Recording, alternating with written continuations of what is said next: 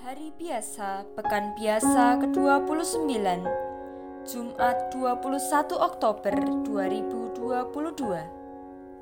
Bacaan pertama diambil dari surat Rasul Paulus kepada jemaat di Efesus.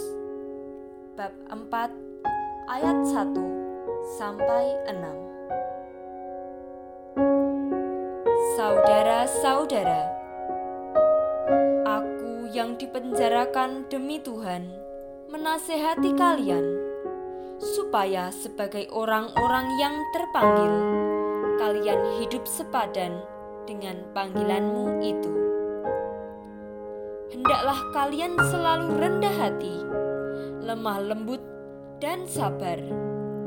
Tunjukkanlah kasihmu dalam saling membantu, dan berusahalah memelihara kesatuan roh dalam ikatan damai sejahtera. Satu tubuh, satu roh, sebagaimana kalian telah dipanggil kepada satu pengharapan yang terkandung dalam panggilanmu.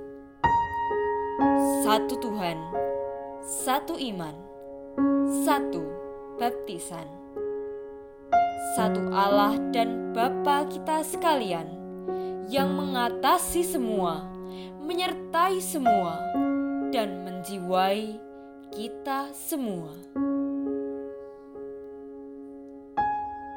Demikianlah sabda Tuhan.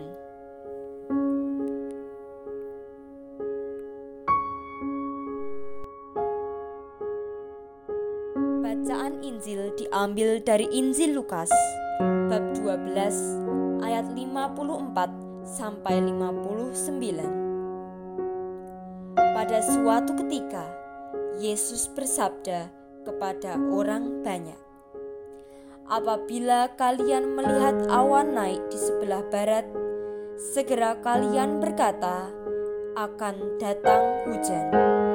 Dan hal itu memang terjadi.